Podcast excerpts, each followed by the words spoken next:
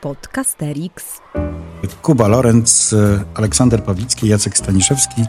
E, witamy bardzo, bardzo, bardzo ciepło na kolejnym e, wydaniu naszego podcastu.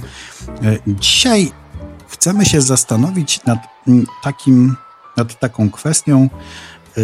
To jest zresztą coś, co ostatnio dosyć dużo, dosyć dużo myśli mojej zajmuje po kilku rozmowach ze studentami. Otóż chciałbym dzisiaj się zapytać Was, do kogo mówimy, kiedy prowadzimy lekcje? Wszyscy wiemy, że lekcje y, klasy składają się generalnie z trzech grup. Y, grupa najobszerniejsza, największa to jest grupa, nazwijmy ją grupą średnią. To jest ta grupa, która przychodzi do nas, żeby nas posłuchać, żeby zrobić co trzeba, ale powiedzmy sobie szczerze, nie jest zbyt, e, nie, nie są to pasjonaci historii, mogą tam się znaleźć uczniowie bardzo dobrzy, e, mogą tam się znaleźć uczniowie, którzy bardzo chcą się uczyć, ale e, nie zawsze pozwalają im na to ich możliwości, ale są też tam uczniowie, którzy mm, no, w jakiś sposób wiedzą, że mm, za chwilę będzie ważniejszy przedmiot, więc może jednym uchem będą nas słuchać. No, dwie pozostałe grupy są oczywiste. Jedna to ta tych trzech, czterech, pięciu, w zależności od tego, jakie mamy szczęście, uczniów lub uczennic, którzy siedzą przed nami w pierwszej ławce z napisanymi na oczach słowami lowe. Kiedy tylko zamkną oczy, to my widzimy, że spijają z naszych ust każde słowo i są wkurzeni, kiedy ktoś inny mówi, bo zabierają nam cenny czas e, tego, kiedy my powinniśmy mówić i, i, i sprzedawać nasze y, fantastyczne przemyślenia. No i oczywiście się wszystkim interesują, na wszystkim znają i na wszystkie pytania chcieliby odpowiedzieć. No i trzecia grupa, ta grupa, która gdzieś tam po cichu siedzi, marząc o tym i modląc się, żebyśmy ich, broń Boże, nie zauważyli i żebyśmy ich do niczego nie zmuszali. E, pytanie moje bierze się stąd, że bardzo często słyszę taką, e, taką e, opinię, że no, ja prowadzę lekcje dla tych, którzy tam chcą się ze mną uczyć, jak ktoś się nie chce, to, e, to niech sobie siedzi, byleby mi nie przeszkadzał. I to jest taka, mm, taka postawa, którą raczej częściej widuję wśród nauczycieli e, licealnych e, uczniów, ale nie ukrywam, że widzę też ich w podstawówce. Ja bym się chciał panów zapytać, do kogo wy mówicie, z kim wy rozmawiacie i jak przygotujecie lekcje, to o kim wy myślicie? To ja bym chciał najpierw może o świecie, yy, nie, o, o takiej jednej rzeczy, która nie ma na celu wcale wywalenie tematu naszego odcinka, ale jednak chciałbym zwrócić na nią uwagę na początku. To znaczy to, że e, na pytanie, do kogo mamy mówić na lekcjach historii, ja bym intuicyjnie powiedział, że do nikogo. E, to znaczy, już też o tym żeśmy kiedyś rozmawiali, że dużo lepiej jak to uczniowie mówią do nas, niż jak my mówimy do nich, a już szczególnie powinniśmy unikać takiej sytuacji, E, w której e, to tylko my mówimy do tychże naszych uczniów i naszych uczennic. E, więc odpowiadając wprost na pytanie, do kogo powinniśmy mówić na lekcji historii, to ja powiedziałbym, że raczej do nikogo, ale oczywiście oczywiście jest tu pewna gra z wami, widzę wasze uśmiechy. To, to powiedział, no, ja zacząłem powiedziałbym nawet, nawet tak. Znaczy, i, i w związku z tym wprowadziłbym pewną modyfikację. To znaczy, E, ty ją też, Jacku, wprowadziłeś pod koniec swojego wstępu. To znaczy nie do kogo mamy mówić, tylko z kim mamy rozmawiać na lekcjach historii. E, albo wręcz, e, wręcz powiedziałbym dalej, kogo mamy uczyć na lekcjach historii. Na oba tak postawione pytania powiedziałbym, że każdego. To znaczy, że nieważne, czy ktoś jest zainteresowany, czy jest niezainteresowany, czy ktoś kocha historię i uwielbia, jak opowiadamy o tym, czy ktoś umie czytać teksty źródłowe, czy ich nie umie czytać, czy ktoś lubi to, czy nie lubi no to naszym e, celem jako nauczycieli, czy do historii, czy do jakiegokolwiek innego przedmiotu jest rozmawiać z każdym z uczniów i uczyć każdego z uczniów i uczniów. No ale to jest takie trochę, tak się śmieje zgasz, no do, do nikogo, potem do wszystkich, no tak się nie da, Kuba, y, jakby o kim myślisz? Nie, bo jak mówię, że do wszystkich, no to mam przede wszystkim na myśli to, że z nikogo nie możemy rezygnować. Aha. Znaczy nie możemy sobie postawić, że na przykład Jasiu w ostatniej ławce, on y, idzie na mechatronikę, to dajemy mu święty spokój. Tak? Znaczy, że tak nie powinniśmy zrobić. Tego powinniśmy unikać i wystrzegać się, nawet jeśli mamy do tego w jakiś sposób naturalne inklinacje jako ludzie, to znaczy chcemy rozmawiać z tymi, którzy chcą nas słuchać. No i takiej sytuacji bym bardzo y, y, chciał unikać. E, choć pewnie muszę też powiedzieć, że to jest dość trudne i nie jestem przekonany, czy zawsze mi się to udaje na moich lekcjach. No właśnie, bo mi się wydaje, że to pytanie jest podstępne dosyć. E, e, bo po pierwsze, rzeczywiście zupełnie co innego jest, co innego nam się uruchamia, kiedy zastanawiamy się, do kogo chcemy mówić, a co innego, z kim chcemy rozmawiać. I to drugie, z kim chcemy rozmawiać, jest ważniejsze, a jeżeli ktoś mi mówi, rozmawiam z tym, z kim to chce ze mną rozmawiać, no to oczywiście mówiąc krótko, y, zaniedbuje pewną y, istotną, y, pewne istotne swoje zadanie nauczycielskie, które polega w gruncie rzeczy na tym, żeby otworzyć przestrzeń do rozmowy dla każdego. I to otwieranie przestrzeni do rozmowy dla każdego nie polega na tym, że usilnie zapraszamy ludzi do tego, żeby oni się wypowiadali, bo to zwykle nie działa, tylko, prze, tylko polega na tym, że wprowadzamy takie formy, takie formy działania na lekcji, które po prostu sprawiają, że wszyscy w klasie zaczynają odpowiadać. Tak? Pierwszym krokiem, oczywistym krokiem jest to po prostu, że w naszych klasach nie wolno podnosić rąk. Tak? To znaczy nie odpowiadają ci, którzy się zgłaszają, tylko odpowiadają ci, którzy zostają y, y, wylosowani na przykład patyczkami. Prawda? I oczywiście wylosowanie nie oznacza wyrwani do odpowiedzi, bo to jest najgorsza możliwa praktyka, ale wylosowani to znaczy po na przykład rozmowie w parach wypowiadają się i w, te, w, tej sytuacji nie ma nikogo, kto nie chce ze mną rozmawiać y, i wszyscy zaproszeni są do myślenia. Y, I to jest drugi wątek, to znaczy, skoro wszystkich zapraszamy do myślenia, to oznacza także, że tak y, e, przygotowujemy lekcję i tak przygotowujemy materiał, żeby on dawał pole do popisu i był interesujący mm, dla szerokiej grupy uczniów. Jeżeli ja mam takie poczucie, że e, mam iluś uczniów, którzy nie zechcą y, ze mną pracować, to spodziewam się, że nie tyle mam zadania, w których zapraszam dzieci do myślenia, bo mam wrażenie, że ludzie, jeżeli ciekawe jest pytanie, to chętnie o nim myślą, tylko raczej, że mam tego rodzaju problem w sytuacji, w której no, mam na przykład taki pomysł, żeby e, przekazać uczniom e, w 40-minutowej gawędzie szczegółowe informacje dotyczące dualizmu w rozwoju społeczno-gospodarczym Europy. E, I już w piątej minucie cierpię z tego powodu, że rzucam perły przed wieprze, bo najwyraźniej ekscytujący problem granicy Łaby nie, nie intryguje połowy, połowy moich uczniów albo nawet więcej. No więc rzeczywiście, jeżeli mam przekonanie, że lekcja historii polega na tym, że ja będę wysypywał rozmaite historyczne rupiecie na całą klasę, mm, to to nic dziwnego, że kiedy ja tak lecę nad tą klasą i bombarduję je ich rupieciami, to że y, bardzo nieliczne ręce wyciągają się po te rupiecie, a większość ludzi chowa się pod mhm. ławkami. Natomiast jeżeli ja mam jednak inny pomysł na lekcję niż bombardowanie ich rupieciami, to nagle okazuje się, że ta lekcja, wydaje mi się, może być kierowana do dużo większej ilości osób. Y, bo w klasie dużo osób jest ciekawych myślenia i ciekawych rozmaitych problemów, które przynosi historia.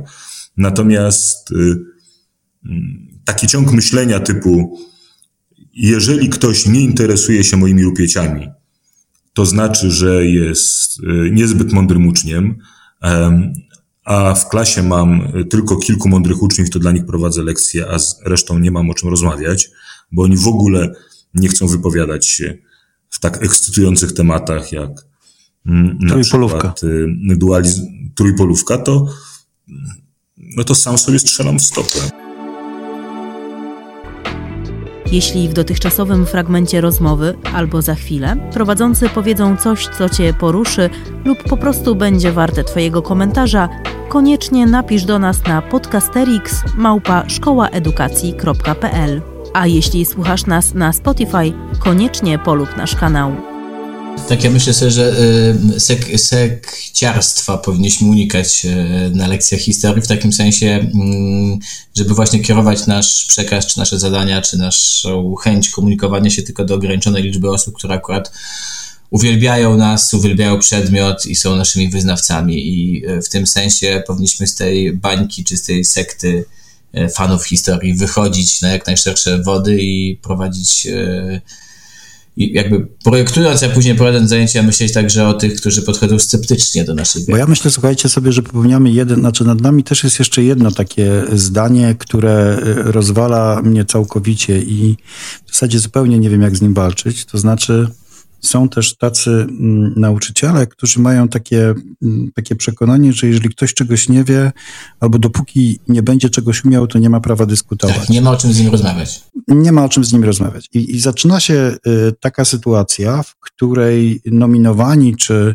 legitymowani do tej rozmowy jest kilku uczniów, e, tych z pierwszej ławki, ta uczennica, co zawsze wszystko wie, i tych dwóch wariatów, co tam składają te browningi za chałupą.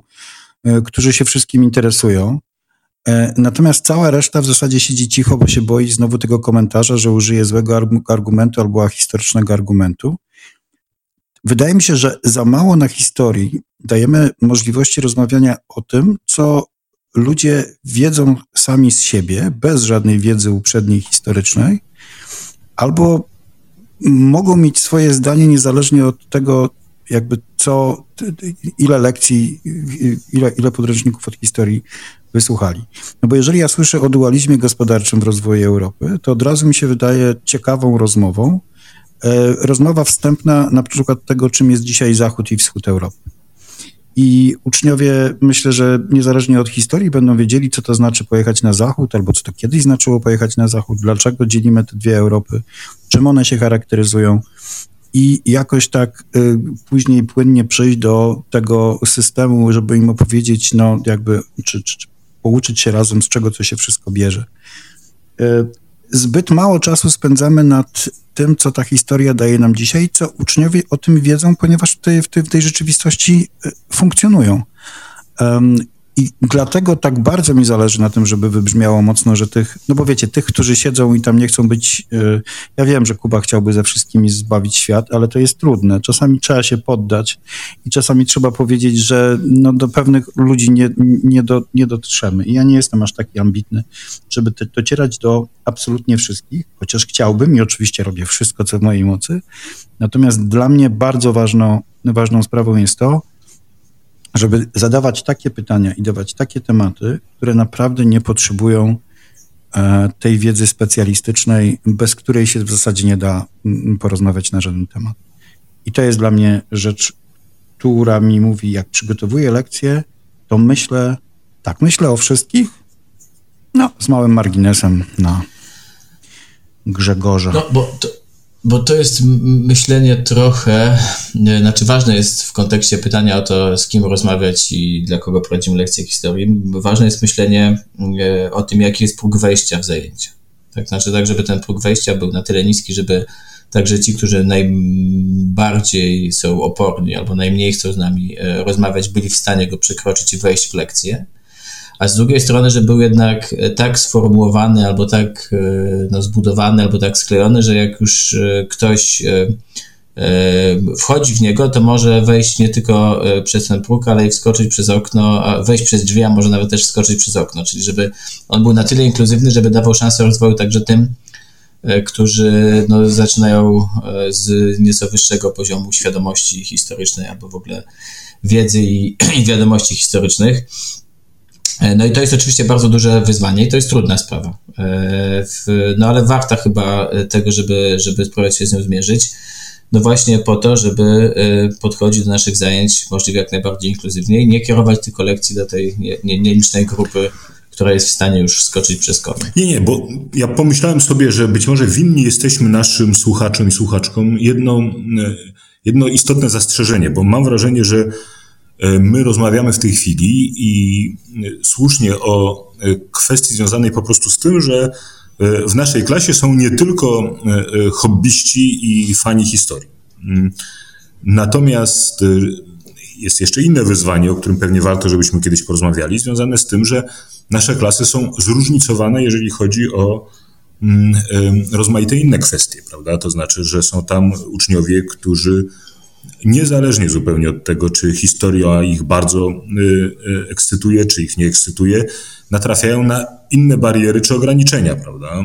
Y, mogą mieć kłopoty na przykład z biegłym czytaniem, albo mogą mieć kłopoty z koncentracją i tak dalej, i tak dalej, i tak dalej. Możemy mnożyć teraz mm, rozmaite rzeczy.